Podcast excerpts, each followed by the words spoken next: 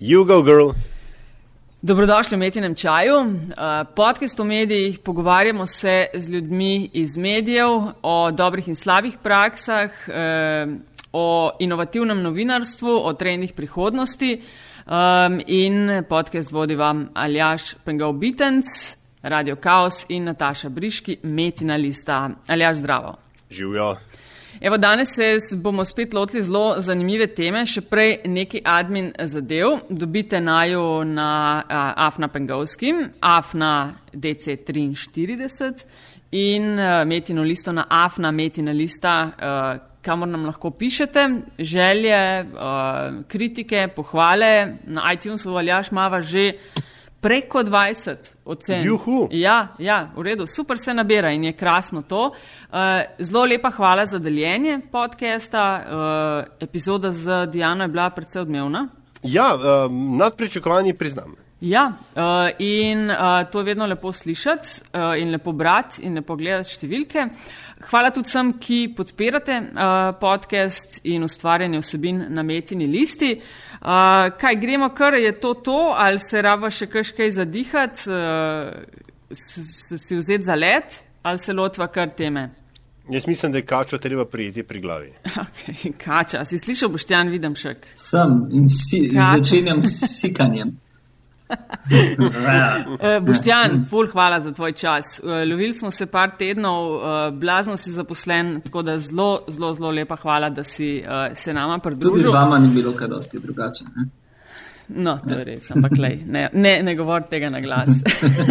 da, da te znamo sam hvaliti. No. Uh, Boštjan, novinar dela, dopisnik z kriznih žarišč, pred slabima dvema letoma smo že skupaj klepetali. Uh, tega, kaj vse počneš, zdaj ne bomo ponavljali. Ponavadi pač začnemo s kratko profi biografijo gosta. Uh, tako da smo o tem mal več povedali že v tisti, mislim, da 24 ali 25 epizoda Metinega čaja. Uh, dejmo se, uh, dej se na zemljevid postav, uh, kje si uh, te dni, uh, kaj delaš, čim se ukvarjaš? Puh, uh, nekaj časa, kar velik časa sem preživel uh, konc februarja, drugi polovici februarja na sirsko-turški meji, um, kjer sem probo spremljati um, tako imenovano premirje oziroma prekinitev ognja v Siriji in najnovejše dogajanje v begunski zgodbi. Um, potem sem prišel domov, intenzivno krenil zaključovanje svoje nove knjige na begu, moderni Exodus, 11 let begunskih zgodb. Si vzel nekaj časa in šel smučati v italijanske dolomite, šel v Leipzig na knjižni sejem, kadar sem se vrnil na delo, kjer sem probil svojo knjigo prodati v vesolje. In zdaj se pogovarjam z vama. Ej, in kako to... je bilo smučanje? ja, to, to sem glihotla vprašati. Čak eno fotko. Ti si zelo, zelo nor na smutne. Je to tvoj prvi šport? Uh, po čustvih in užitkih, ja, po nadarjenosti nisem dobro pripričan. Ampak ja, lej, uh, po tem, kar dobim od smutnja, je številka ena. No, še posebej zato, ker pri 40 je nogomet uh, predvsej bolj neugoden za sklepe in ostale. Moš krling probati, veš, to krling je nekontaktni šport. Uh, mislim, zahteva pa intenzivne stike z javnostjo, se mi zdi. Ej, eno sliko si dal gor na Facebook. Uh, ne vem, če sem jo prav razumela iz smučanja. Uh, kaj, smučal si cel dan, pa si šel pa laufati po smučišču? Ja, gor? tako nepisano pravilo imam, da laufam na gorovski smučanje. A res? Mislim, Tako za pol obedek smočarski. Ne, to nabija rdeče kroničke in ne, ni lepšega občutka. Ti si, si pol ti tisti smočar, ki je ob 8 ali pol 9, ki odprejo, do 4, pol 5, ki zaprejo, drgne. Ne, sem tisti smočar, ki je na 7 do 8 minut pred odprtjem smočišča živčen, ki svina v prvi vrsti in ne, se vedno mislim, da bi mogli čas hitreje. Ampak včasih je bilo tako, zdaj končujem kar bistveno prej, no, recimo pol dveh. Ne? Zato, ker se mi zdi, da um, uživam sam takrat, ker lahko smučam res, res na polno in ko smučam, smučam na polno. Tako ne da se mi iti turizma in se ustavljati in sedeti po kafanah. Dobro, ti do podansko karto vzameš. Kuhar kje, ponovadi imam te, če grem, moram smučati, imam tedensko karto in je, nisem gospodar. Uh, nisem ni čas moj gospodar, nasprotno. Hey, ful privilegij, no? da, da ja. si boš zdaj lahko prvoščil en čaj skupaj z nama. Um, lej, uh, Boštjan, danes bi rada s tabo govorila um, o medijih, mal, o pred dvema letoma si govoril o temnih plateh človeške duč, eh, duše, o poročanju z križnih, eh, kriznih žarišč, eh, alergiji na odvečno in blebetavo, kot si rekel, in prostorih smrti, v katerih se znajdeš med upravljanjem svojega posla. Snemamo to epizodo ravno, ko so se zgodili tisti napadi, v teroristični napadi v Bruslju. O čem, o čem razmišljaš?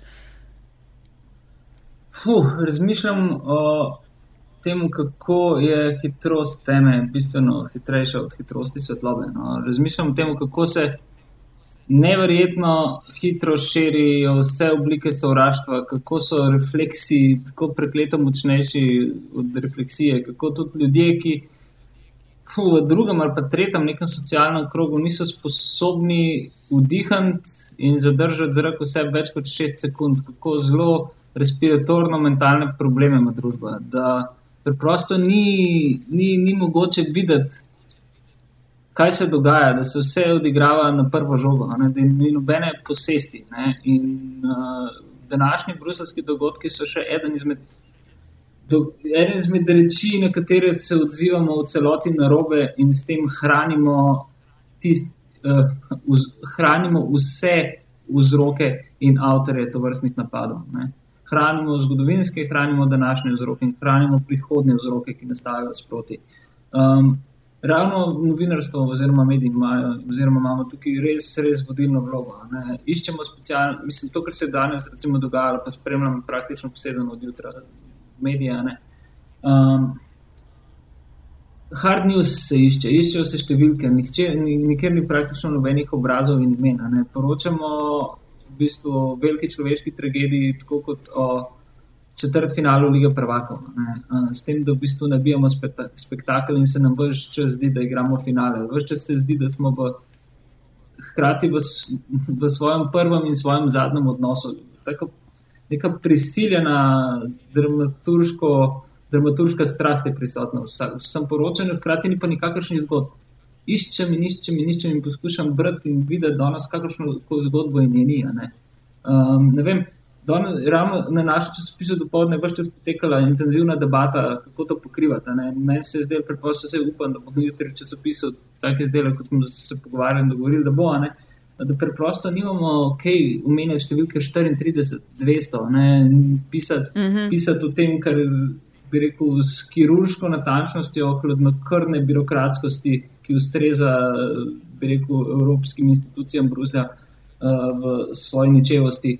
Uh, v tem nimamo, več, ne smemo niti besede reči, rabimo reportažo. Res, v Bruslju imamo vrhunskega dopisnika Petra Žrjaviča, ki je dober pisac, ki se zna pomešati med ljudi in meni bi se zdelo edino smiselno. Ne?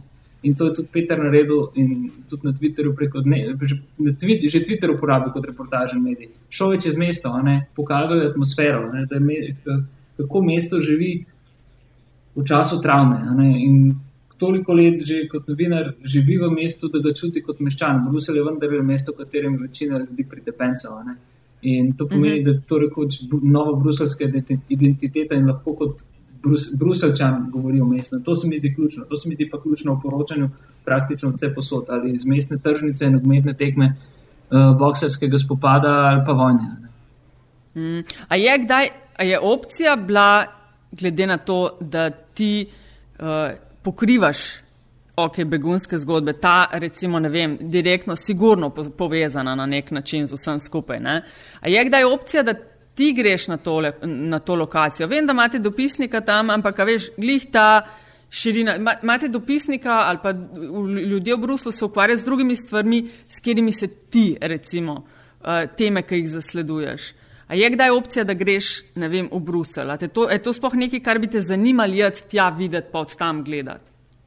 Hm poročati. Ne vem, ali je to uh, vem, čist out of question. Mislim, na prvem mestu bi se to lahko razumelo kot nezaupnico sedanjemu dopisniku, ki je po, po mojem mnenju zelo dober.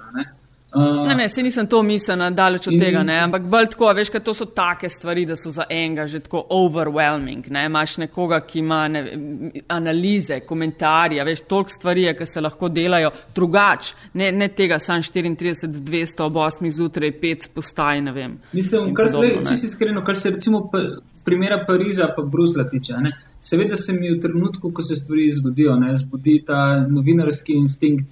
Ja. Imam skoraj požasne napade zaradi krivde ne biti tam ne, v tistem trenutku. Ampak to se mi zdi, so taki postinfantilni izbruhi, ne, ki jih je treba zelo hitro racionalizirati. Um, če imaš uh, svojega dobrega novinarja tam, ga je treba suportirati s tem, da njemu tam ni treba delati jebenega newsa in se lahko ukvarja s ključnimi stvarmi. Ful je pomembno, da v zgodbah kot sta Bruselj, In kot je bila Pariška, piše nekdo, ki mesto pozna, ki z mestom živi, ki pozna ogromno ljudi v tem mestu.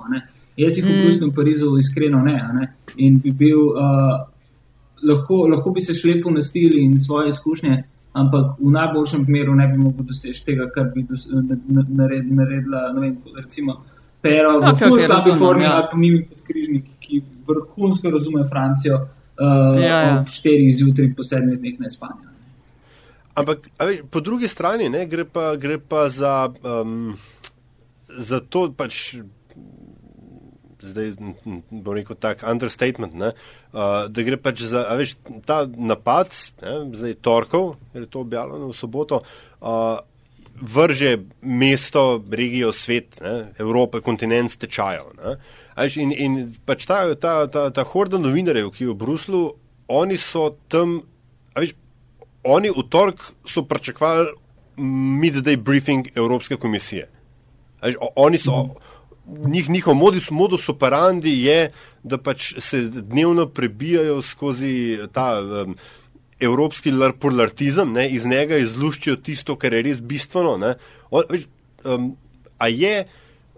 Pa, pa, pa, kot se mi meni se zdi to, kar je danes Petr Žerjavič, se pravi, torek, ne, Petr Žerjavič delal, se mi res zdi briljantno. Mm, meni se zdi tudi, da je, da je on je objavil za moje pojme, zdaj tisto, kar sem jaz videl, fotografijo dneva, vojaško vozilo pred stavbo Evropske komisije. Mm. Veš, ko, ne, tako, mislim, to, to simbolika v eni fotki. Kam, ja. Tako, ne, a veš, in se mi zdi, da je s tisto fotko povedal vse, ne, ampak pustimo Petra Žeraviča, pustimo delo. Veš, uh, en kup slovenskih uh, medijskih uh, news outletov je spakiral svoje ljudi danes v Bruselj in bodo, ali pa so, uh, spet govorim, ker snemamo ravno na dan napadov, ne, veš, in so ob ne, sedmih, osmih mm. zvečer poročali v živo. Veš, ampak mislim, da lahko suvereno rečemo, da to vendarle ni to, da pač bojo naredili čisto verjetno profesionalno uh, uh, zgledno, ne?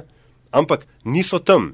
In, in po drugi strani ljudje, ki so tam, nimajo izkušenj novinarjev tvoje baže, ne?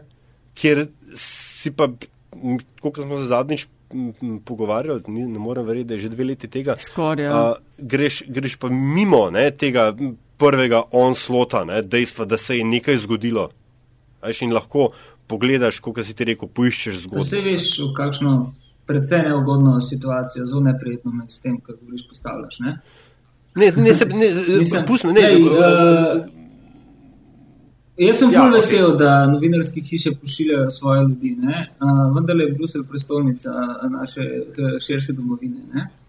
uh, in ima, bi rekel, neko posebno uh, simbolno točko in uh, tenkočutnost tudi v, bi rekel, vizi, v pogledu iz Ljubljana ali pa z kjerkoli druge iz Slovenije, ne kot kjerkoli druge tudi iz Evropske unije.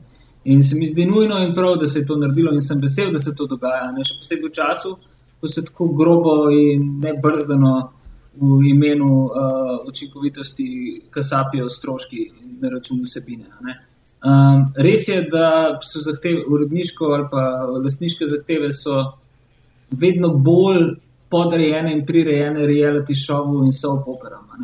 Um, o tem bi rekel vizualnemu sladkorju, ki ravno tako požiga možgane uh, in povzroča demenco, Parkinsona in Alzheimerja, tako kot sladkor sam.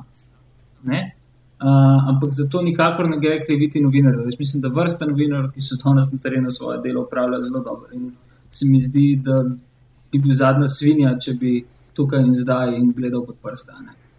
Ne, ne, se, da, se, da se razumemo, ne gre, uh, veš, hotel sem v bistvu napeljati na to, kar si ti zdaj že pač nakazal, ne, dejstvo, da se um, sploh slovenski mediji in njihovi lastniki, ne, da tako rečem, v zadnjih x let ukvarjajo samo s svetom južno od Karavank in severno od Kolpe.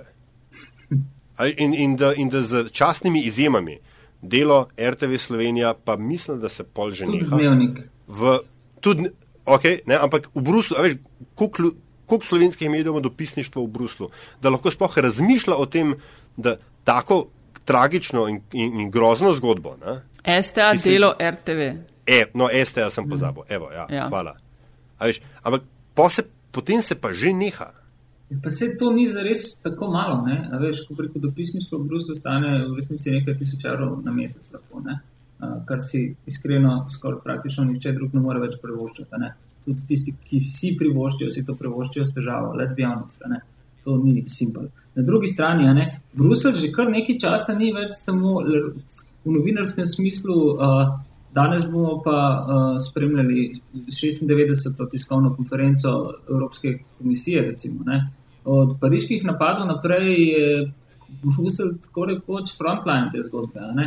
In uh, tudi minuli vikend, oziroma oddajo soboto, torej pred tednom dni, uh, se je zgodil zelo pomemben dogodek. Pač organizator Mastermind, tako rekoč pariških napadov, je bil v Bruslu prijeta. Ne? In po mojem mnenju so se današnji napadi na nek način povezani tudi s tem.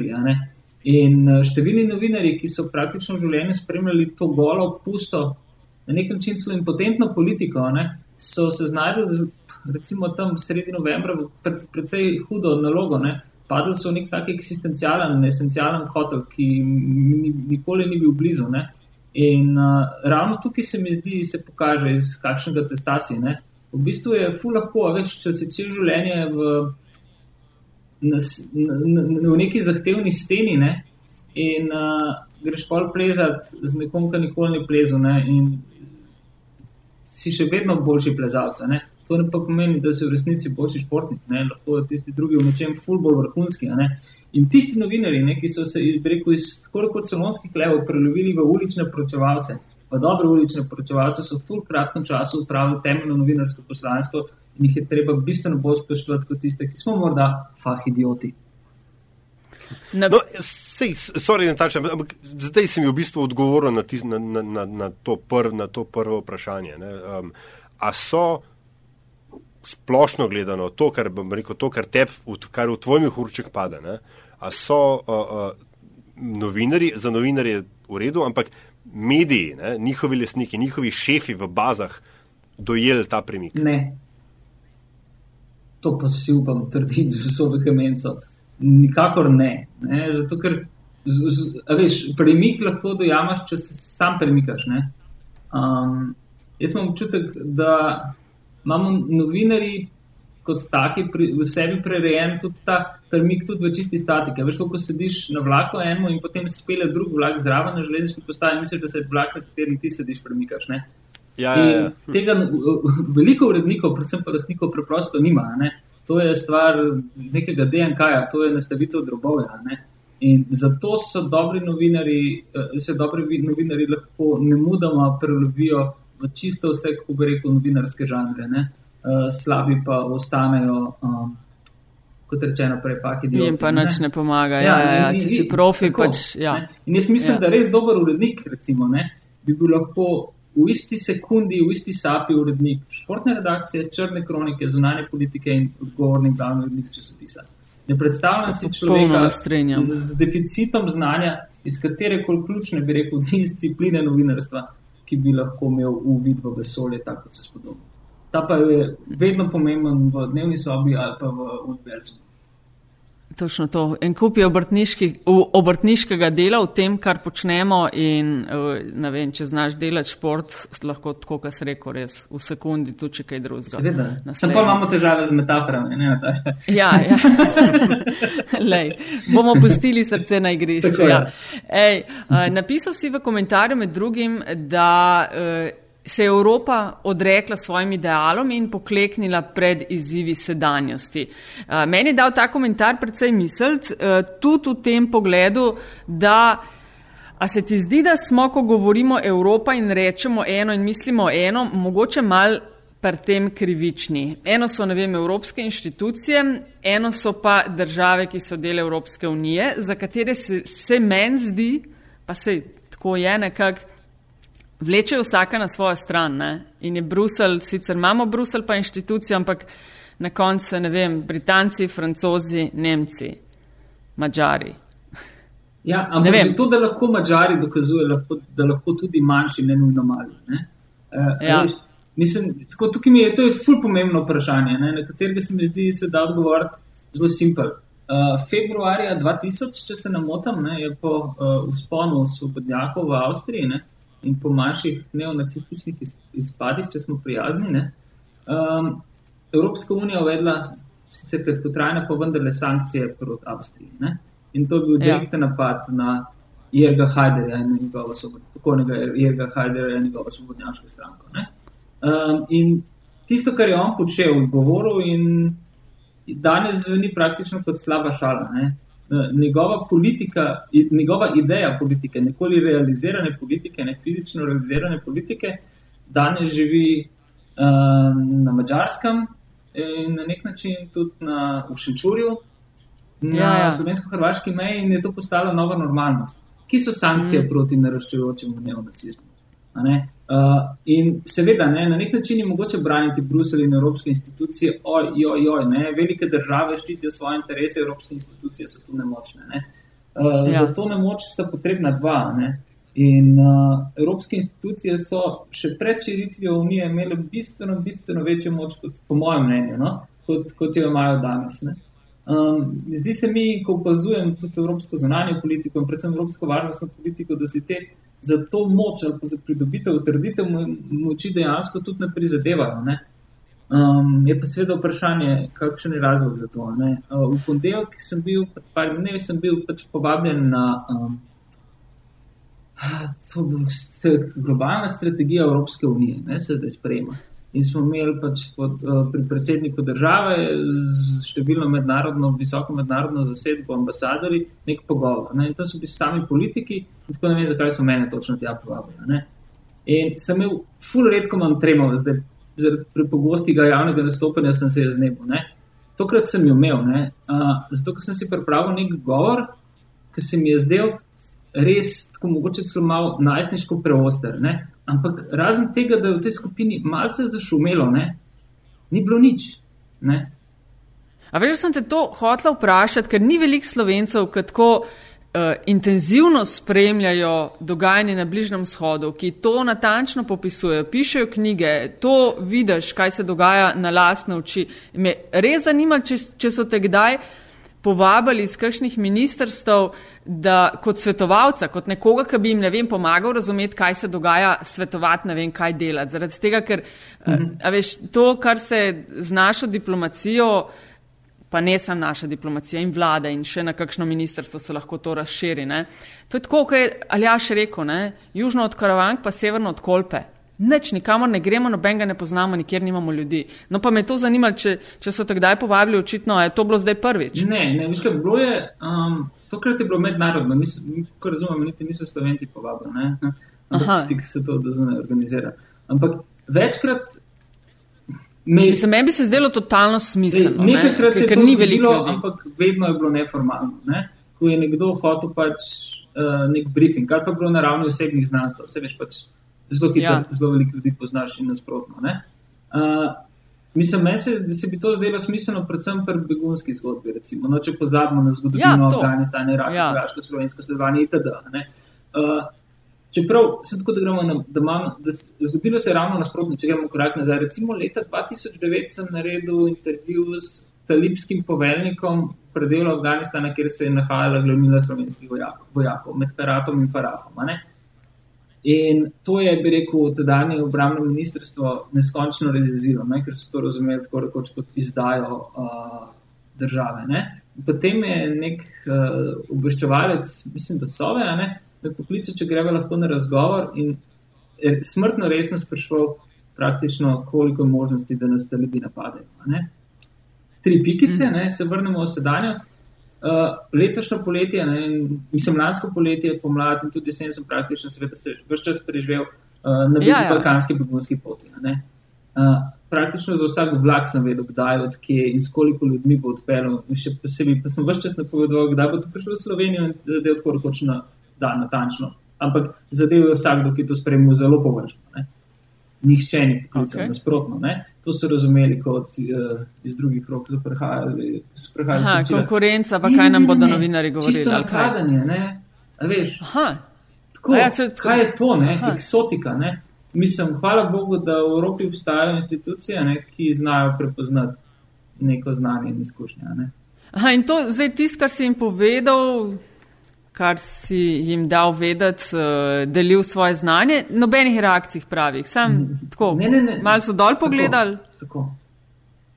In dalje.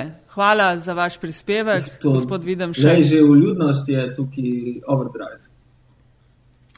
Ne. Mim grede, koliko ima kolik um, smisla? Tvo, mislim, veš, zdaj se je pač zgodilo, kar se je zgodilo. Ne, in in um, lahko verjetno z veliko mero gotovosti rečemo, da je bil marsikateri upozorilni znak spregledan ali pa mm. prepozno interpretiran. Ne, to je zdaj, ko berem te sprot analize oziroma ugotavljanja, kdaj so Belgici vedeli, niso Matej, vedeli, kaj ne. so zgrešili. Ja. Veš, ampak koliko ima ta hip smisla reči, a smo vam rekli? Uh, to je vedno onanija. Ne, viš, tukaj v stavku smo vam rekli, je full ega noter in se mi zdi, da mm. mislim, to je treba zelo miriti, pa nam uhajajo te stavke zelo pogosto. Kakšni preuranjeni izligi so tu še vedno prepogosti, kljub uh, rekel, za preseženi nagnjenosti k staranju in samorealizaciji. Uh, ful je treba umirjati žogo, ful je treba mehčati to, uh, ta železo beton refleksov. No? Um, sme, to, če, če rečeš to na glas, kot nekdo z, neki, z močjo javne besede, igraš igro druge strani. Mislim, predvsem pa izpostavljati se uh, z nekim občutkom skoraj več vrednosti v času dejanske človeške tragedije je tako zelo, zelo grozno. Ja, ko smo na zadnje, mm. uh, Boštjanke smo na zadnje govorili, vem, da je bil bolj uh, Middle East, pa Lampedusa smo mal, ampak te balkanske begunske poti še ni bilo takrat. Amaš ti občutek, um, je bila, kar se ti je zdelo, si imel občutek, da bo Evropa bolj odprta. Ali je tisto, kar se je zgodilo v zadnjih dveh letih, reakcije šlo navzdol, ali ne vem, si ti pričakoval, da bomo drugače, da bo se drugače reagirali? Zgledali je najprej, veš, da bomo odprti. Ne. lej, ne, ja.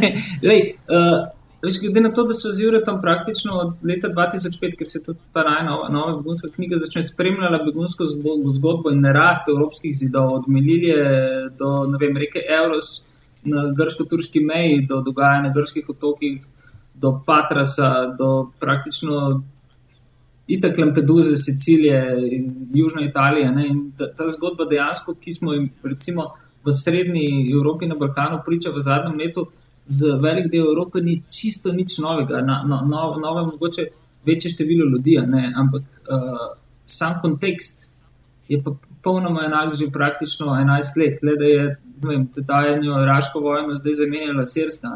Samo bi rekel, mm. mogoče se je uh, malce demografsko, delno geografsko. Na nek način tudi socialno se je zamenjala struktura ljudi, ki bežijo. Ne?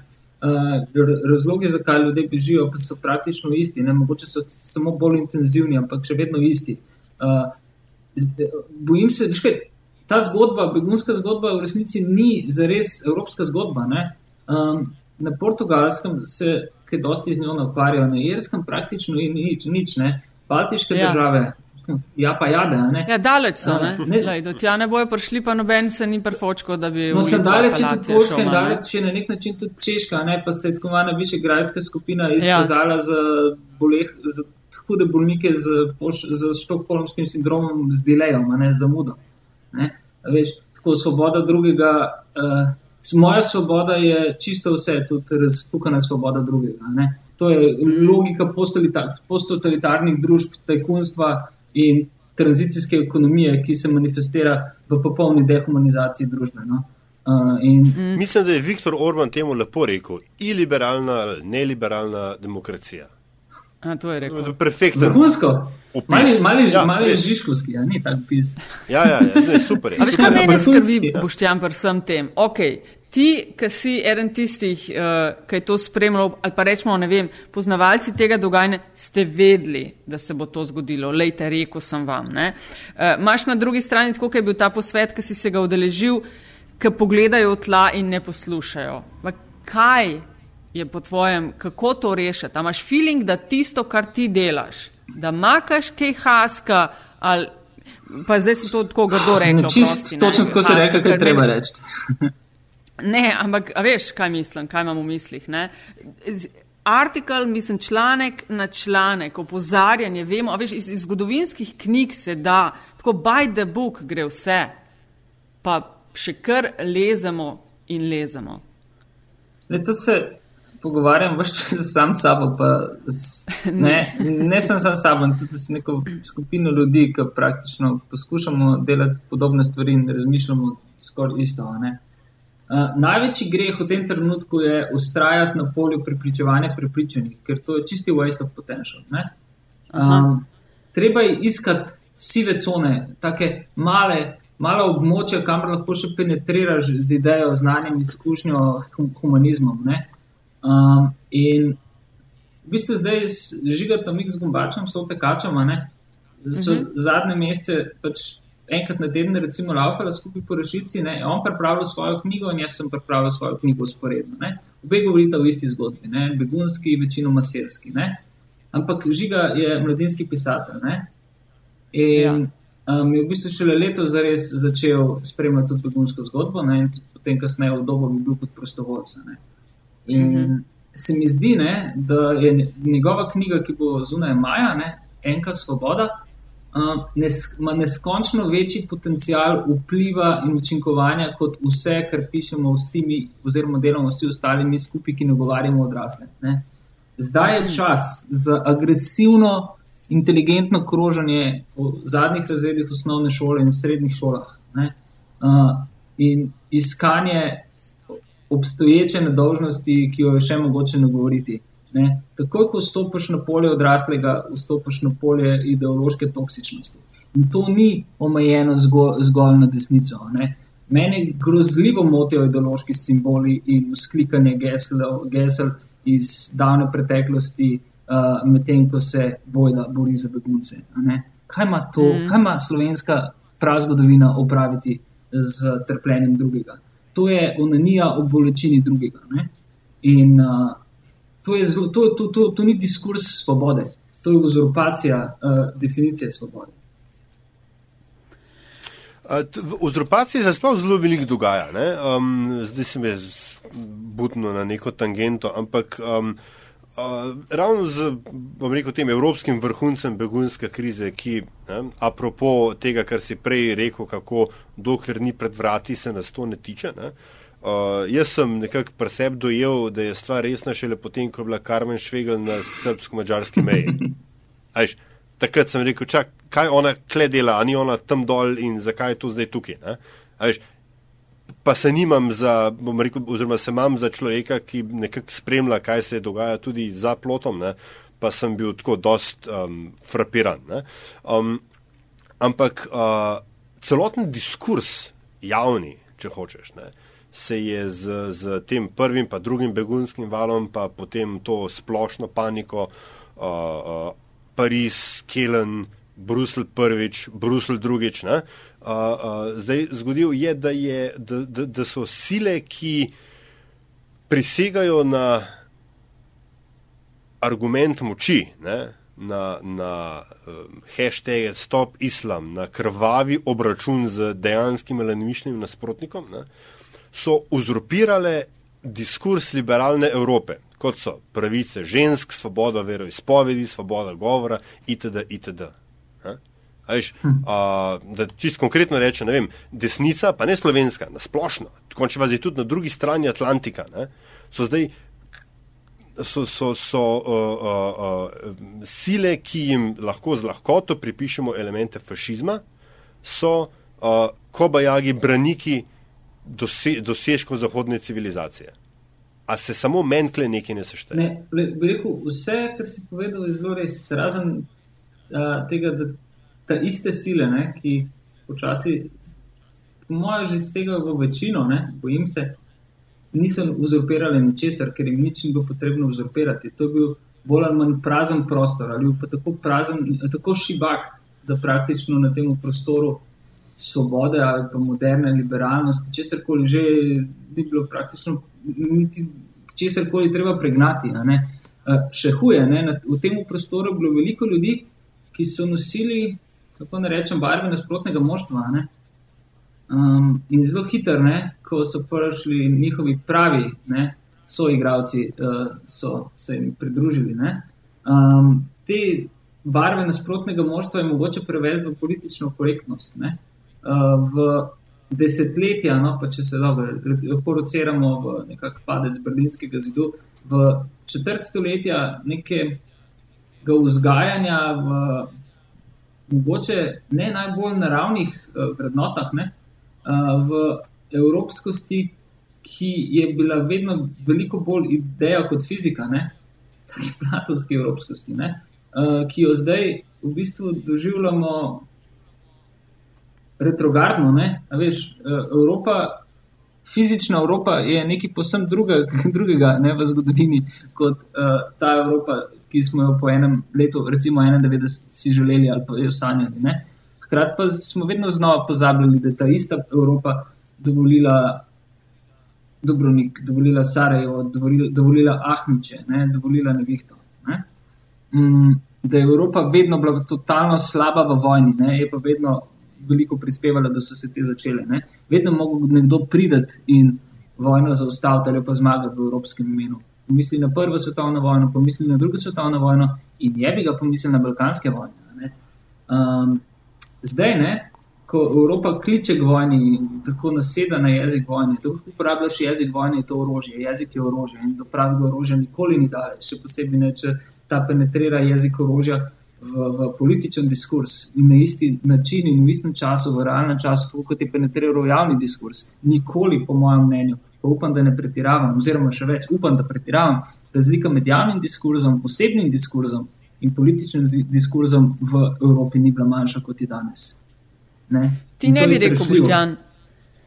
Boštjan, ti ne bi rekel, da smo zdaj že v tretji svetovni vojni. V tretji svetovni vojni smo že dlje časa. Ne? Mislim, da lahko zelo, zelo pokmečko ocenimo, da se je ta začela 11. septembra 2001 na nek način, ko se je začela spreminjati geostrategija sveta, ko so se začele uh, bojevati nove tako imenovane proxy wars, ne? ko smo vstopili z neke iluzije. 90-ih let, ne, ki pa smo jih na Balkanu seveda čutili drugače kot tako imenovana Fukujamovska podzgodovina. Uh, ali pa ne vem, se zelo drugače čutili v Rwandi in Somaliji, ne, pa Demokratični republiki Kongo. Uh, 90-ta so bila jebena iluzija, ne, uh, ki je dobila svoj backlash po 11. septembru. Ne, in uh, politična korektnost je zdaj nepovratno izginila, ne samo zaradi Donalda, Donalda Trumpa, tudi zaradi Mira Cererja, ki se mu vidi, da ne verjame v to, kar govori. Ne. Pravi politično korekten posameznik je že v, tako, v tej fazi, bi rekel, samo iluzije, da verjame v leporeče. Dobro, ampak eh, zdaj. Pa ne bi hotel kogarkoli braniti. Trump se mi zdi itek uh, bolj posledica kot, kot uh, vzrok česar koli. Ampak konče pa zdaj tudi Evropska unija ne, kot, kot instrument, ki naj bi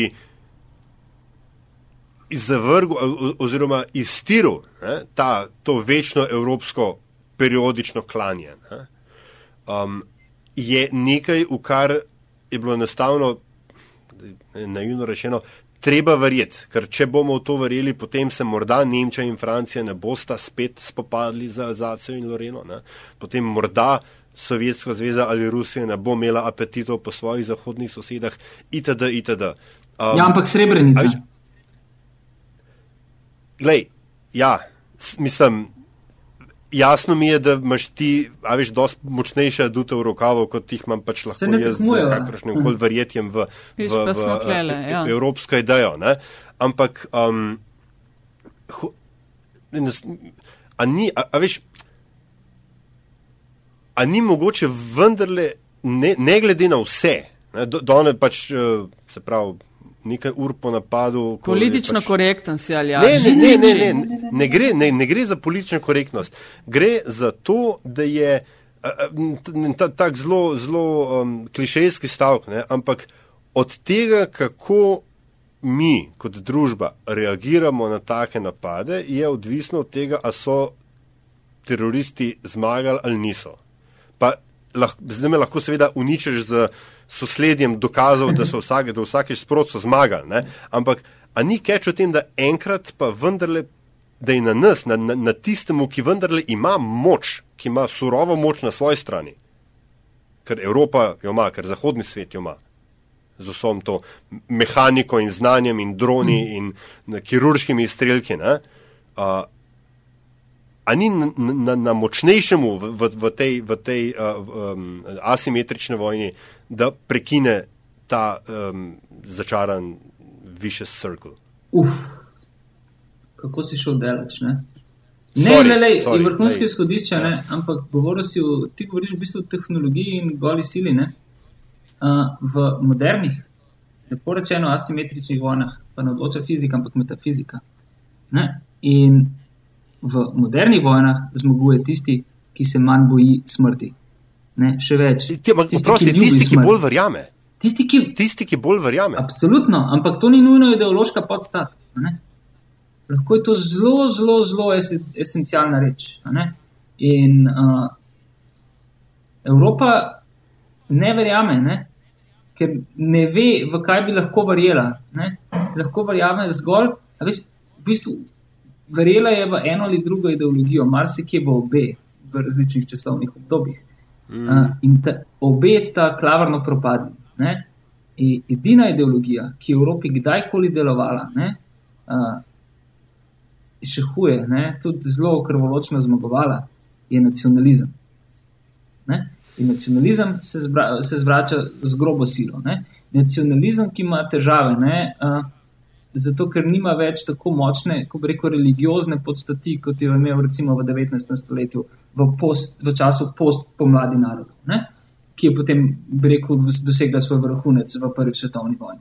Uh, zato je v bistvu ta nacionalizem ni, militan, ni zares militanten. Uh, zato, ker še vse ni tako poln sovraštva do vsega drugačnega drugega. Ne?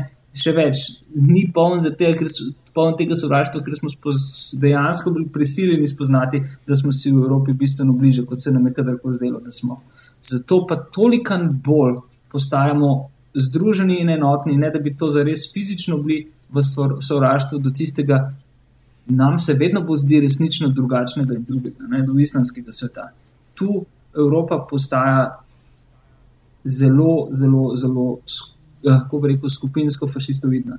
Ne? In v odnosu do ljudi, ki prihajajo iz islamskega sveta, se prebuja tisto temno evropsko, ki mogoče kmalo vodi v novo kristalno noč. Lej, govorimo zelo veliko o teh vseh možnih failih. Ne? A vidiš ti kakšno pozitivno zgodbo? Kakšnega voditelja, opinion makerja, ki se ti zdi, da dela tako, kot bi bilo treba delati? Kakšen primer? Mislim, uh, kar neki mladih politikov v Španiji mi, me, mi je, kako bi rekel, simpatičnih. Ne? Aha, Španija. Uh, županje Barcelone in uh, Madrida, recimo. Ne? Podemos mi je sicer že od začetka malo skeptičen do njega zaradi pretirane navezanosti uh, na pokojnega voditelja Venezuela ne? in tudi nekako, bi rekel, finančno sodelovanje z njegovim vrhom. No? To in povdarjanje te, bi rekel, socialistične ideje v 21. stoletju se mi zdi malo patetično. No? No, mislim, da uh, problem 21. stoletja ne moremo rešiti s teorijo 19. Um, mm. Mnogi mi bodo to zamerali. Zakaj bi ti pa to zamerali? um, okay. V bistvu sem do skoraj do zadnjega upal, da bo Aleksis Cipras um, igral ful bolj pošteno igro, kot jo je. No? Um, pa se je odločil veliko bolj za svoje politično preživetje, kot za uh, dobrobit Grčije v nekem trenutku. No? Um, začel je igrati poker takrat, ko je vedel, da ima slabe karte. No? Ne, uh, namesto da bi bil vse čas iskren in transparenten. No?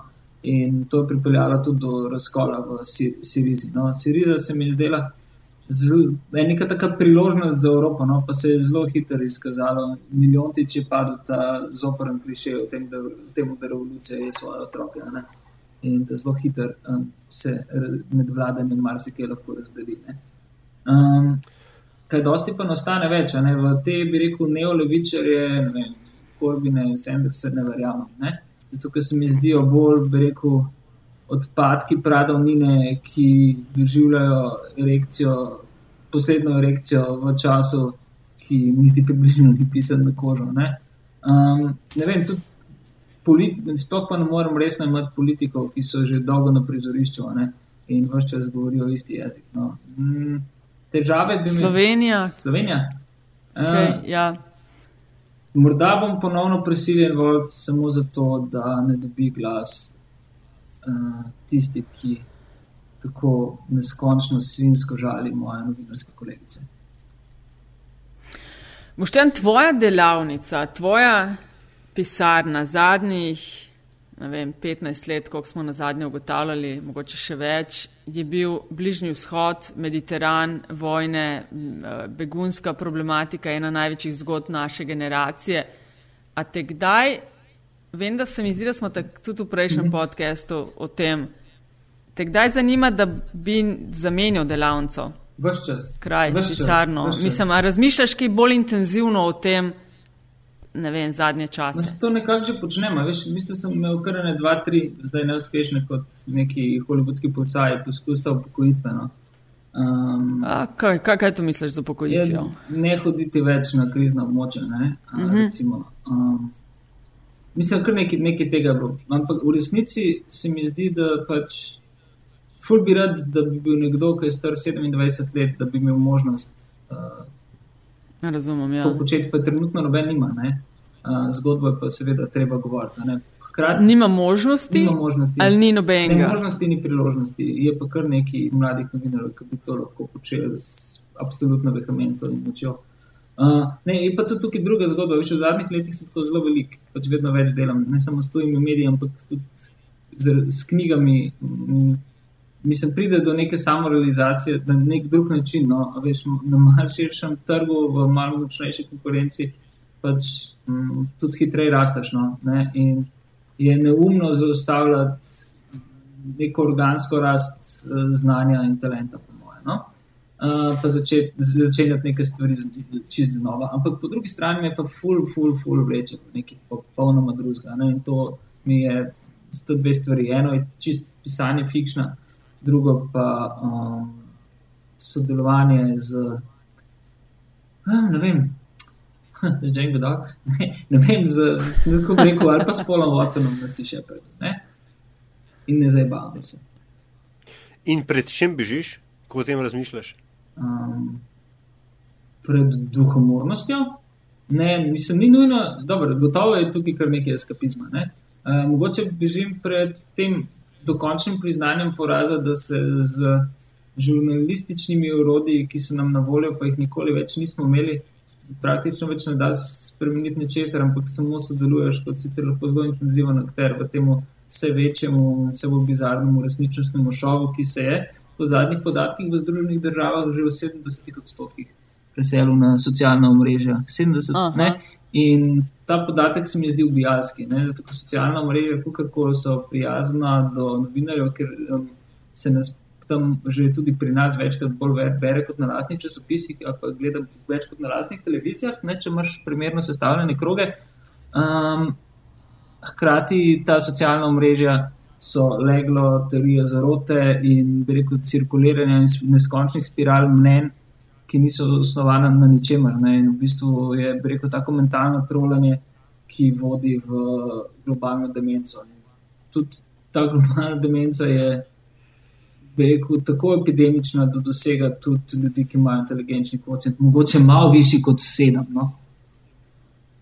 No, in da te še dodatno razočaral, ravno danes sem prebral, da se v tej ameriški kampanji zdaj ne, dejansko imajo praktično vse kampanje programirane Twitter bote, ki se pogovarjajo med sabo. Twitter bote? Ja, lej. Ja, dejansko sploh veš, ni več trolov zadnji, ki bi fizično tapkali po tipkovnici, ne, ampak imajo te, um, uh, bom rekel, um, strankarsko, strankarsko linijo, ne, držijo pač koščki kode. Skratka, digitalni aparačik. Skratka, nam ja. se zdi, da so eni ljudje zadej, ampak v bistvu pa to poganja mašina. Ampak Boštjan, ti si eden tistih, uh, ki, jaz bi rekla, kar aktivno uporablja družbena omrežja. Facebook, Twitter imamo v mislih pri tem. Mm. Marsikdo od naših kolegov nad tem viha nos, ali, ali pa rečejo, ne vem, nimam časa, ali pa rečejo, kaj pa to rabim. Kaj je Zakaj ti to delaš? Čim več ljudi spremlja, oziroma dobi zgodbo, ko delam. To je edini point žurnalizma. Pismo, Čim več ljudem povedati, zakaj se gre in upati, da bo vsaj šestih se to prejelo. Ne? In ko se prime v devetih, si še bolj motiviran, in potem se v par letih prime enajstih, in ko ti vidiš, da v bistvu si upravil vendarle nekakšno delo. Ne? Uh, ko prepričaš enajst ljudi, si ja. delno že prepričal cel svet. Si konvertiral kakšnega kolega? Že, da naj za voljo svojih zgodb, ki naj jih sliši, bere, posluša več ljudi, začne uporabljati to orodje. Lej, uh, Marki bi mi lahko plačali milijone dolarjev za to, kar počnem. Jaz sem glasnik socialnih omrežij znotraj medijev, težim svojim sodelavcem in jih celo žalim, kako živijo v jebenem 20. stoletju, ko tega ne počnejo. Ne govorimo o 60. Ključno je, ključno je. Ne, vem, ne razumem, kako nekdo. Ne, ne čuti, da če že naredi svoje delo, da je to samo sebi namen. Ti smo odprli v socialnih omrežjih. Edina možnost je, da se proti nebulozam boriš, tako da jim v njihovem prostoru konkuriraš s kvaliteto. Z resnico dejstvi. Um, verjetno se moje naslednje vprašanje navezuje na tvoj zadnji stavek, ne? ampak koliko ljudi, ali pa ja, kakšen odmev je imel tvoj za moje pojme izjemen članek v Politico Europe. Pred kaj bo tega zdaj? Trije meseci, mm. štirje. Bil sem, nisem bil čisto šokiran. Da je tvoj tekst na, na, na naslovki uh, časnika, ki pač si ta hip reče ne, evropski časnik. Ki je verjetno edini približek nečesa, kar bi bilo nekaj panevropsko tedenskaj pač tiskanje. Ja, ta motiv gotovo politiko ima. Ja. Mm. Uh, kako, kako, kdo je koga povohal, kakšen je bil odmev, uh, a je bilo drugače pisati? Ne vem, da je malo tehnike, čistko. Hm. Mehanike za. Jaz sem z njimi že sodeloval, že v bistvu čisto tako na začetku. No, sem jim so, so objavili dve zgodbi um, in smo ostali v kontaktih. Veš, kot v vseh večjih medijih svetovnih je ključno, da imaš pač neposreden kontakt z enim od pomembnejših urednikov. Uh, ni nujno, ne, to osnovno pravilo, no, ki sem se ga naučil pri sodelovanju z velikimi tujimi časopisi, je, da ni nujno, da je kvaliteta tista, ki odloči. Ne. Veš, lahko imaš, bi rekel, za dva pulicerja tekst, ne, pa če nimaš kanala, da ga primerno usmeriš, to lahko je hidden gem in obvisi v lastni knjižnici. Ne. Uh, jaz sem pač na politiku že odprej poznal uh, vsaj enega urednika no, iz nekih drugih časov in sem preko njega se pač pogovarjala in sem nekako pičil svoje zgodbe. Ne. Uh, in ta zgodba, zgodba kjer ti govoriš, uh, sma, smagljari, ne, ti kotapci, Tako, ja. z begunci v Turčiji in potem v grških otokih. Je imela pač dober timing. Ne. To zgodbo sem pač šel na dopustu, sem, sem, za njo sem vzel dopust v bistvu ne, in sem jo delal za delo. Mm, in uh, sem jo tudi za tega lahko tako tudi um, brez večjih težav plasiral. Ne? Uh, obstajajo vse neke take drugačne konkurenčne klauzule, ki so zelo občutljive reči. Um, sem si sam financiral to zgodbo. Ne? In uh, sem v bistvu že vnaprej, ko sem šel delati, sem, sem jim povedal, kaj grem delati. Zato, ker se mi zdijo res globalne zgodbe. Če veš, da imaš dostop, nisem vedel, da tam imam dostop, ker sem pod izbegunci, s katerimi sem bil vse čas na poti, sem zbiral tudi kontakte od smaglerjev. In v bistvu sem si z njihovo zgodbo risal geografijo in infrastrukturo štorije. Ne? In v bistvu sem, to ni, ni preveč amatersko, že precej narejeno zgodbo sem recimo prišel iz Mira. Jaz sem šel pogledat stvari, v kateri so mi oni govorili, če so res tam, pa kakšne so. Ne? In uh, zelo hitro se je izkazalo, da v bistvu so bili begunci sami najboljši mogoči ver. Ne? Še več, med temi begunci je bilo tudi nekaj ljudi, ki so bili sami smaglerji, ne? ki so mogli, neki taki mali podizvajalci, ki so mogli zaslužiti toliko in toliko denarja, da so lahko sami šli potem čez v Grčijo. Ne? In daleč največ uh, kontaktov in informacij uporabnih so od njih. In te zgodbe do takrat, ne vem, sem bila narejena, kako bi rekel, partikularno, no, ne v detajle in zelo hitro je potem po politiku, mislim, delal tudi Independent, pa um, tudi New York Times. No.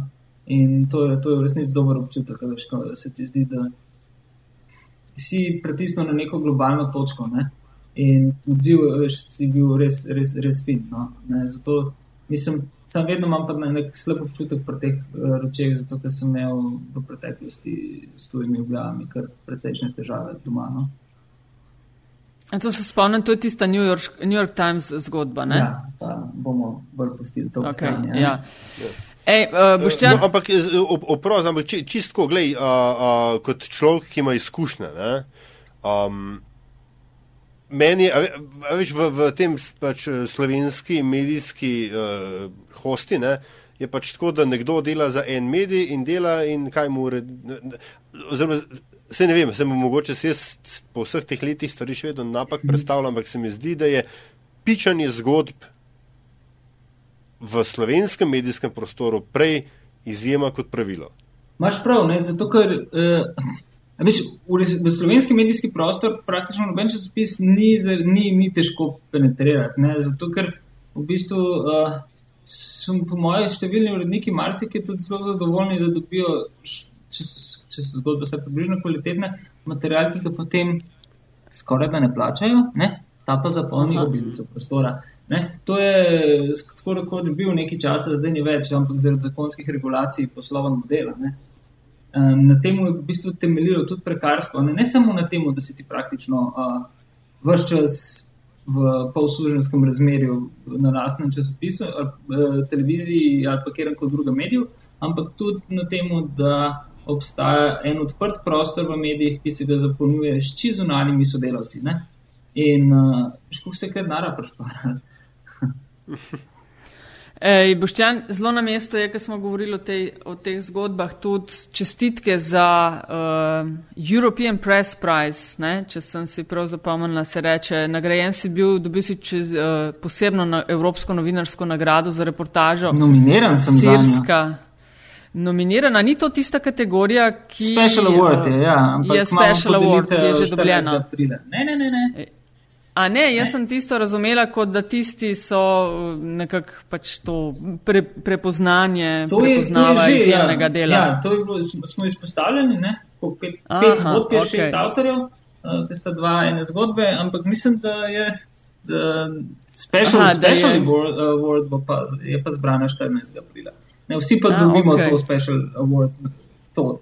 No, lej, v vsakem primeru. Ja. Če bi delal filmske plakate, bi zdaj pisal European lej. Press Award nominee. Tako, v vsakem tako. primeru kapo dol. Ja. In tista zgodba, ki si jo napisal, je bila uh, super, jo priložimo zraven uh, k temu podcastu. Vse se mi zdi v tistem času nekje kot ti sta bila tudi za. Uh, sta fotografa, uh, uh, Zorman Krivic. Genialna ja, stvar, to je olimpijsko zlato noro, kako ja, ona, da sta dobila World Press Photo. Uh, Prva slovenca v letu 78, podobno ja, 76. Ja. ja, tako velika, velika nagrada. Mislim, so, so neke, lej, um, Evropa prepoznava odličnost slovenskega žurnalizma in foto. Žurnalizma. Ful se dobro dela, tle, viš, moramo biti pa vsi, moramo biti pa tudi uh, iskreni, ne? Um, pismo, malo je svet prišel k nam, ne? pol je lažji. Misliš, kaj misliš s tem, ja, je šlo zaradi tega, kar se dogaja? Ja, ne, v bistvu smo na, tako rekoč na domačem terenu, uh, domačem terenu delali. za me je, ne vem, Gogelija, kjer je ta zgodba nastala, pa je domeni mi je domač terena, veš, to ni eksotika, ne. Ja, ja, ja. Bistveno bolj razumem prostor. Mislim tudi zato, v bistvu tako razumem, da se prepozna to zgodbo tudi zaradi tega, ker je v bistvu res, a veš, tudi uh, velik um, ex-jugoslovanskih novinarjev in fotografov ne, uh, je blazno, blazno zaslovelo uh, v vojnah po Bosni. Ne? Zato, ker Ja, so ja. se v Bosni naučili vse, čist vse, kar je treba vedeti. ne. In hkrati ne, pa tudi niso bili tako dragi, ker so bili kakšni mal, malo više razlikani. Ne? In so, Ja. ja. ne vem, ala Damir Šagor, ki je za me najboljši fotograf na svetu, ne, postal pač top shit, svetovni fotoreporter in on je zdaj šef Reutersove pisarne v, v, v uh, Beijingu, ne, v Pekingu. A Veš, uh, ampak je naredil vse, kar je se v fotožurnalizmu da narediti. In uh, z- Matic Zorman in Matjaš Krivic sta dosegla tako stvar, da bi v bistvu mogla biti to glavna novica v slovenskih medijih en teden. Ne? To je popolnoma ekvivalentno zlatu v skoku v daljino na olimpijskih igrah. Konkurenca je še veliko hujša. Um, Hvala Bogu, da plot vendarle ni do, bil previsok. ne. ej, Oziroma, si- Saj si nismo mogli zgraditi dosti visokega plota. Potem bi potrebovali skok. ja. Poštejam, prej si omenil za trenutek, uh, se mi zdi, neke poslovne modele, pa o zalažem veliko govoriva v umetnem čaju o tako imenovanem business of news. Ne? To ugotavljava predvsem, ko se pogovarjava z sogovorniki tudi iz tujine, da je tukaj ena velika črna luknja. Zdaj pa mene zanimaš v tem pogledu ti, ti, ne?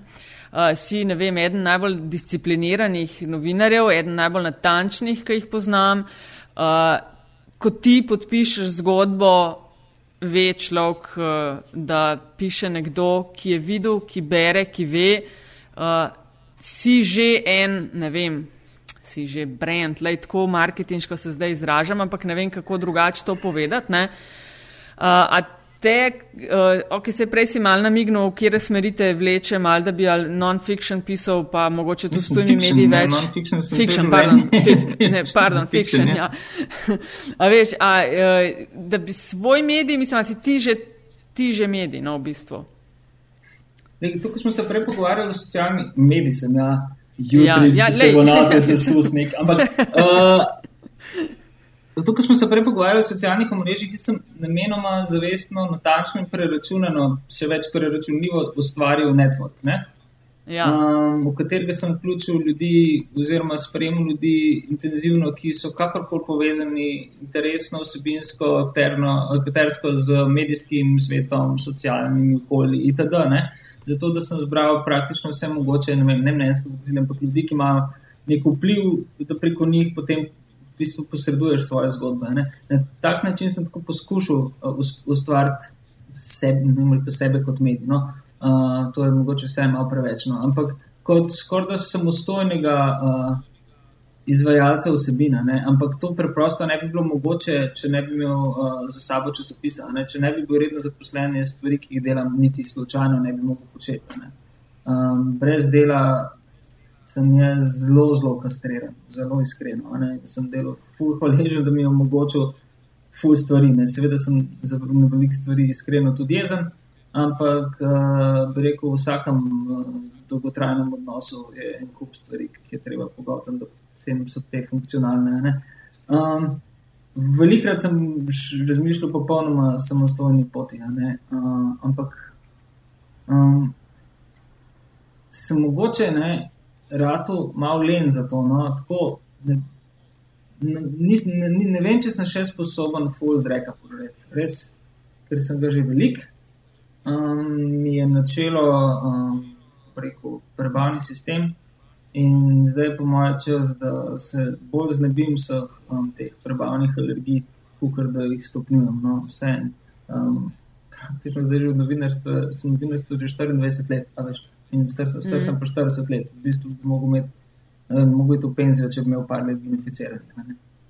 Um, Znam, ja, povej. ja, Vrš čas sem si želel to neko tako čist popolno neodvisnost. Sem, to, to, to je v resnici zelo iracionalno. No. Um, mislim, še, še boljše je, da imaš, veš, jaz tako, Slovenija je prostor, v kateri bi si bi želel, da bi se povezal en velik spletni medij, pa en velik časopis. Uh, da bi v bistvu pokril skoraj da monopolno uh, en prostor, ki ga bi želel nagovarjati. No. Predvsem pa si ne predstavljam več svoje prihodnosti na časopisu, ki izhaja samo v enem jeziku. Um, mm. Zdi se mi, da ne, moramo vsi, ki delamo v medijih, pa se spremljamo vsaj zunanje politiko, uh, biti sposobni pisati in govoriti v najmanj dveh jezikih, ki na polno drugače od sveta, sploh nimamo več pravice interpretirati. Ne. In se mi zdi, da je tudi moja ena, ena od prednosti, po mojem, no, da lahko pač precej sovereno pišem za to, če se pisem. Rečemo še kaj, uh, Aljaš, o knjigi. Imaš še kakšno ja. vprašanje do tu? Valjda vprašanj še milijarda, ne? Ja, ja, Vse bo še kdaj prišel, boščan, ne? Še slabi dve leti. Ko bom že zgorila. V v že en fiction predstavljal. Ja. Lej, uh, zdaj bo išla tedni uh, zelo kmalo tvoja knjiga na begu. To je uh, zadnja iz trilogije teh zgodb, ki jih pokrivaš zadnjih, zadnja leta. 11 let begunskih zgodb. Uh mhm. -huh. Dezintegracija človeštva, pišeš igno, o ignoranci zakonov. Uh, povej na kratko, mal, kaj bodo, bomo lahko brali v tej knjigi. Fuh, to je v bistvu prvi pr del trilogije je bila vojna terorja, v kateri sem nekako. To je pač skakanje po kriznih žariščih, v katerih sem opisoval veliko bolj vzroke kot posledice, po mojem, tudi posledice. Uh, druga je bila tista, ki je bil vezni člen med neko veliko begunsko zgodbo in vojnim terorjem, ki je bila vezana na arabsko pomlad in tudi na evropsko finančno krizo. Tret, tak, tretja knjiga pa, se pa izključno od prve do zadnje stvari strani ukvarja z osodami beguncev in temelji na 2500 intervjujih. Um, to je pač tako. In your face, uh, v osnovi je bilo žurnalistično poročilo, potem pa sem ga skupaj z urednikom Samatom Rublom močno, močno literariziral in poskušal skočiti iz klasično, iz klasičnih žurnalističnih knjig v full ball, v neko refleksijo, mogoče celo nek pol-eseističen slog v nekih trenutkih, ki je zelo, zelo oseben. In uh, to je potovanje od Melilije leta 2005 in prvega soočanja z evropskimi zidovi in umiranjem ljudi, množičnim umiranjem ljudi, ki poskušajo se prebiti v Evropsko unijo, v španski sklavi Melilije na špansko-moroški meji, seveda v Severni Afriki. In zgodba se po Lampeduzi, Patrasu, Atenah, Lesbosu, v mnogih grških otokih Siciliji, uh, turško-sirski meji in številnih prostorih vem, okoli Sirije, v Jordaniji, Libanonu, v Severnem Iraku, prostorih, kjer se nahajajo sirski begunci, se zgodba konča v Libancah. Na, in tudi začne v resnici na slovensko-hrvaški meji, uh, kjer slovenski policist v rokah drži iraško, triletno iraško deklico, Ritak. Um, In zre oči, in ona zre oči v njemu, in te stoji na Juritovi sliki, ki je bila izhodišče za vod v knjigo, uh, sliki Jurita Ržena eden drugega gledata tako z neko toplino, ampak s popolnim čudenjem. Ne? Če bi bila malo manj prijazna, kot sta bi en drugemu rekla, obrazvada fakt. Kaj se nam je zgodilo, da smo zdaj tu? Mm -hmm. In uh, to je točno to, kar se vprašam. Kaj se je zgodilo, ne? da slovenski policist na slovensko-hrvaški meji, v popolnih vojaško-policijskih barikadah, v množici ljudi, ki so že na pol histerični, ker tretji dan že ne morejo čez mejo, drži v rokah triletno raško deklico. Um, in odgovor se skriva potem na 350 straneh. 2500 intervjujev si, si, si omenil, ja. več kot 2500. Kako si, pendiš, delaš to evidenco? Kako veš, da je 2500? Štejem. Koliko od teh intervjujev si, na rekovajih, porabil za zgodbe, ki si jih objavljal? Uh, med 350 in 400. Ne, je bilo tako neposredno. Do, dobro je, ne, ker imam v bistvu, jaz vse sproti pišem, ne, praktično redko ali nikoli ne nosim zgodb domov, imam obsesivno kompozivno motnjo. In v bistvu moje arhivi nastajajo sproti, ne, redko ali pa nikoli se mi ni treba vračati v zvezke. Ne. In tudi, če bi se, bi se v njih izgubil, ker sem katastrofalen, in nediscipliniran pri hranjenju starih stvari. Uh, v digitalnem arhivu pa se praktično nahajajo vsi pogovori. In uh, v bistvu sem naredil, dobro, to je vedno manipulacija, v resnici hočeš, nočeš. No? Uh, tokrat bolj hočeš. Sem seveda selekcioniral zgodbe, nisem jih randomni streljal, aha, ta pa ta. Ja, pa ta ja, ja. Ampak sem jih strukturiral v neko močno zgodbo. No? V bistvu večina izmed njih je tudi dobrih pripovedovalcev. ne.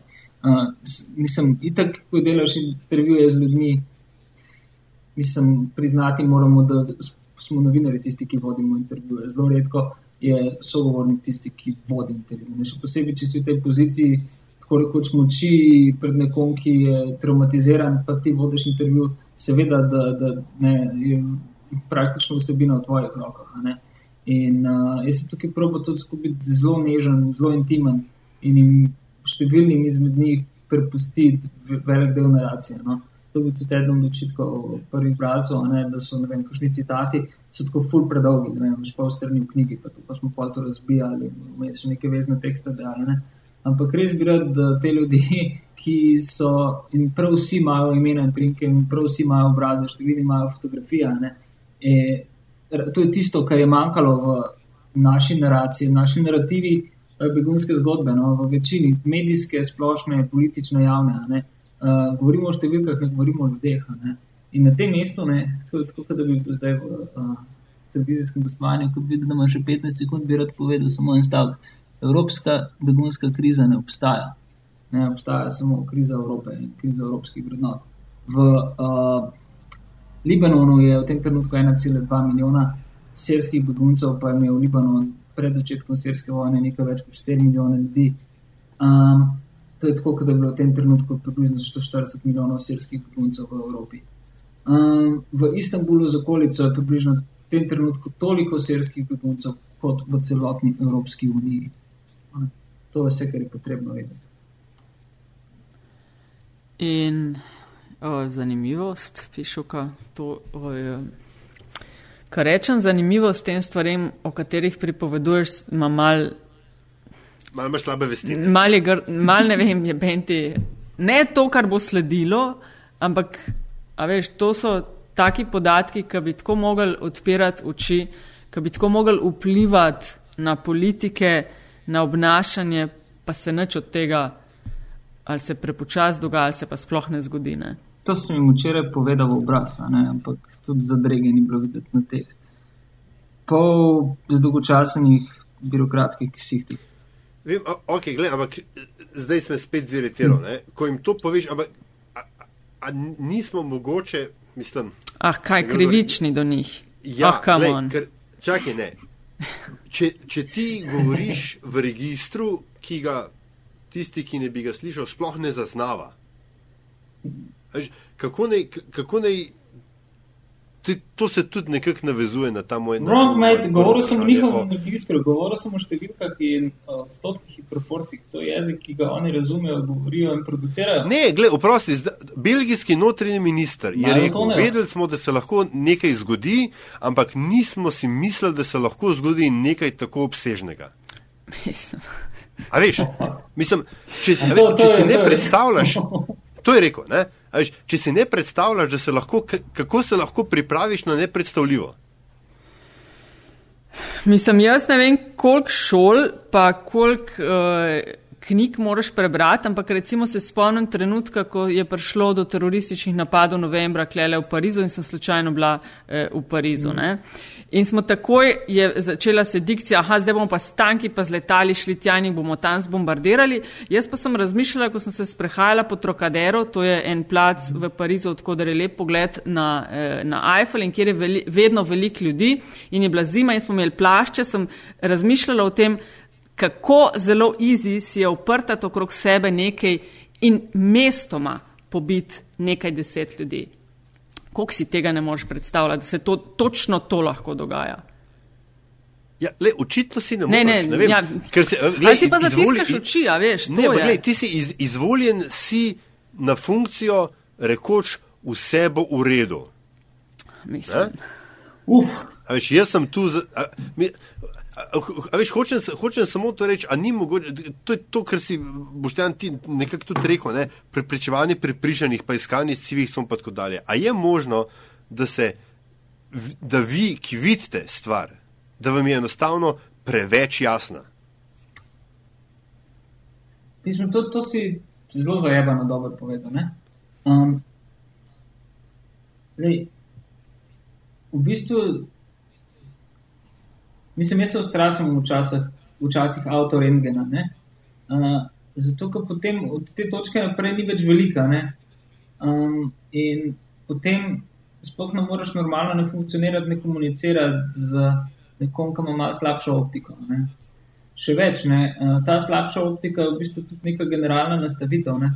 Uh, generalna nastavitev, ki sploh bi rekel, uh, nekih, ne, ne, sploh ne upošteva nekih nesvetov mentalnih okolistov, kar bi nekako mediji med drugim mogli biti. Ne?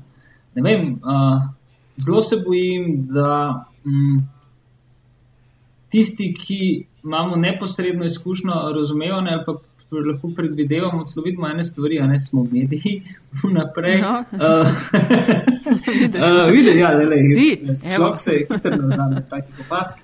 Um, v bistvu nimamo več kakšne resne vloge, klene, zato ker a veš, postaneš celo, še bolj eksotičen, kot takrat, ko si popoln idiot in si naivan. Uh, zato, ker si tako, postaneš ek, ekstremno nezaželjen zaradi tega, ker upoveduješ neko zgodbo, ki je, veš, jaz neskončno veliko krat slišal. Uh, pesimizem, tam poišči kako pozitivno plat, rabimo primere pozitivne prakse, pa pizdarija. Ne. Izven registra si. Nočem lagati, dragi moji. Ne. To je novinarstvo. Ja, Kakšno pozitivno? Okay, zanimivost. Ja. Da, da, da presekamo zanimivost. zanimivost. Boštja, mi končujemo podcast, ne, kot veš. Uh, vedno z enim in istim vprašanjem za goste in gostje. In sicer, da z nami delijo uh, kakšno podrobnost, anegdoto, karkoli, kar se morda tiče njihovega uh, opravljanja posla, profesionalnega življenja, morda čist nekaj X, kar njih zanima. Pa uh, ocenijo ocente, da bi bilo fajn, da bi več ljudi za to vedlo. No. Tako da to, to je ta čuvena zanimivost. Aha, zdaj moram to zanimivost streljiti. In sem ti jaz to povedala, pa nekaj, kar nam spet jaz skriva, da sem pozabila povedati. Aha, to se zdaj delaš, da, da nisi vedel. Ne, pozabil sem. ne, le, to je pa. Okay, to je zanimivo. Ha, ne, ne, sproti evo, zdaj dokazujem, da mogoče sem tudi sam zažil preveč sladkorja in postajam dementen. Pozna ura snemanja. Pozna ura snemanja, ja. Nasičenost uma in vsega. Pismo, sramota, ne morem izstreliti anekdote. Moje anekdote so vedno. Mislim, anekdota, le. Vic, niso to zdaj vici neke, a veš. pa pa povej, kam bo, kam bo šel uh, po soboti, po naslednjem tednu. Se začne kaj, orto promocija knjige, to, to, se temu ja, posvetiš? Samo, zdi se mi, da je treba iti v Grčijo, no, za dve časa. Zdaj, tako malo smo pozabili na to, da je rekel, država dvakrat bila žrtvovana, najprej na finančne, zdaj pa na tako manj begunske krize. Ne? In je postala eh, komunalna deponija vseh, bi rekel, um, ključnih uh, anomalij Evropske unije. No? In uh, se mi zdi, da je to treba novinarsko in človeško povedati zelo intenzivno in vse čas. Mm, to pa ni ravno anekdota. Ne, sej le sem vprašala, kam greš. Ja, po mojem, če je Grčija, sedem korak, vse je tako, kot drugi dom, uh, vse profesionalno. No. Mm. E, boš ti vam fulti hvala. Hvala vam. Fulti hvala, 80. epizoda, le, glih na pokrat dva, to, koliko si star. Kako mi je hitro padla ta kombinacija. To je pa tako lucidno. A ne, da si, si, si ti moraš misliti, da je to 80 deleno 42. Wow. Ja, le to zmorem. Krasno. V gluha doba noči. Ej, ej ful ti hvala, no res. Uh, odpira marsikaj, no. Je, je te res zanimivo poslušati uh, vsem tem. No. Si eden tistih glasov, ki, ki jim gre, no, prisluhant in večkrat. Ja, se hkrati ne veličamo tega, kar govorimo tudi sami. Lej, se bo šel zdaj v fiction, pa bo. Um, Boštjan, na, na Twitterju, še enkrat ponovimo, na Twitterju se ti da, kaj že tvoj uh, je Bosthi. Ja. Bosthi, na Facebooku si tudi odprt. A imaš ti profil ali imaš page?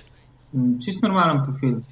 Aha, tisto, nekrat verjetno si se, se ti je v nekem trenutku že zabasalo s temi 5000 omejitev. Ja, ampak ti, uh, vse so followeri, ne, ne, ne, sej, follow. ne sprejemam, bi rekel, masivno. Ne. Aha, To mi deli, to mi deli. končno, ej, ja. delaš selekcijo.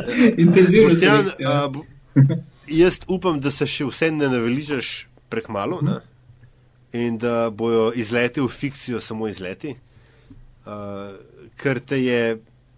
Ne, v bistvu bi, najraje bi te ne bral, ne? ampak če že moram, potem rad berem tebe.